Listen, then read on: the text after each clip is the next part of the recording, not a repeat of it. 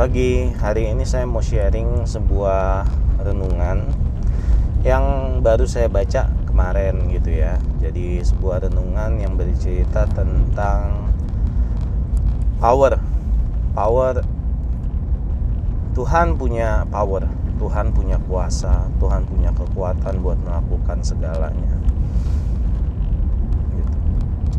Dan diceritakan ada uh, ada perumpamaan. Jadi ada seorang anak yang ingin menyalakan sebuah mesin.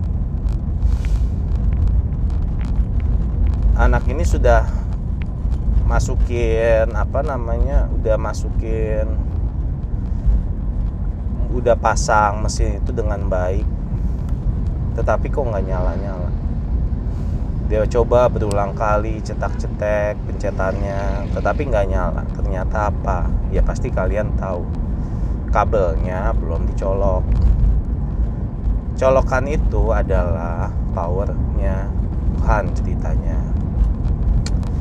Dan mesin itu adalah kita. Kita mesin yang baik misalkan. Nggak ada masalah.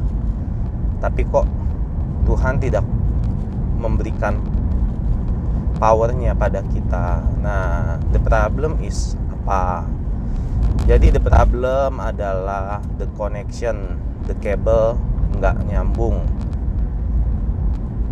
Yang membuat power Tuhan bisa nyambung ke mesin itu adalah kabelnya. Kabelnya itu harus nyambung. Bagaimana kita sebagai umat Allah punya koneksi kepada Allah kalian tahu pasti udah pernah dengar tetaplah berdoa ya enggak enggak tidak menjauhi persekutuan-persekutuan. Dekat dengan Tuhan kenal terus akan Tuhan. In every day.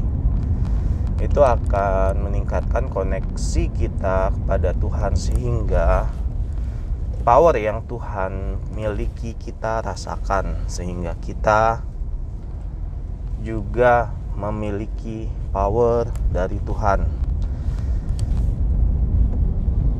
Jadi kita bisa bekerja karena kekuatan dari Tuhan.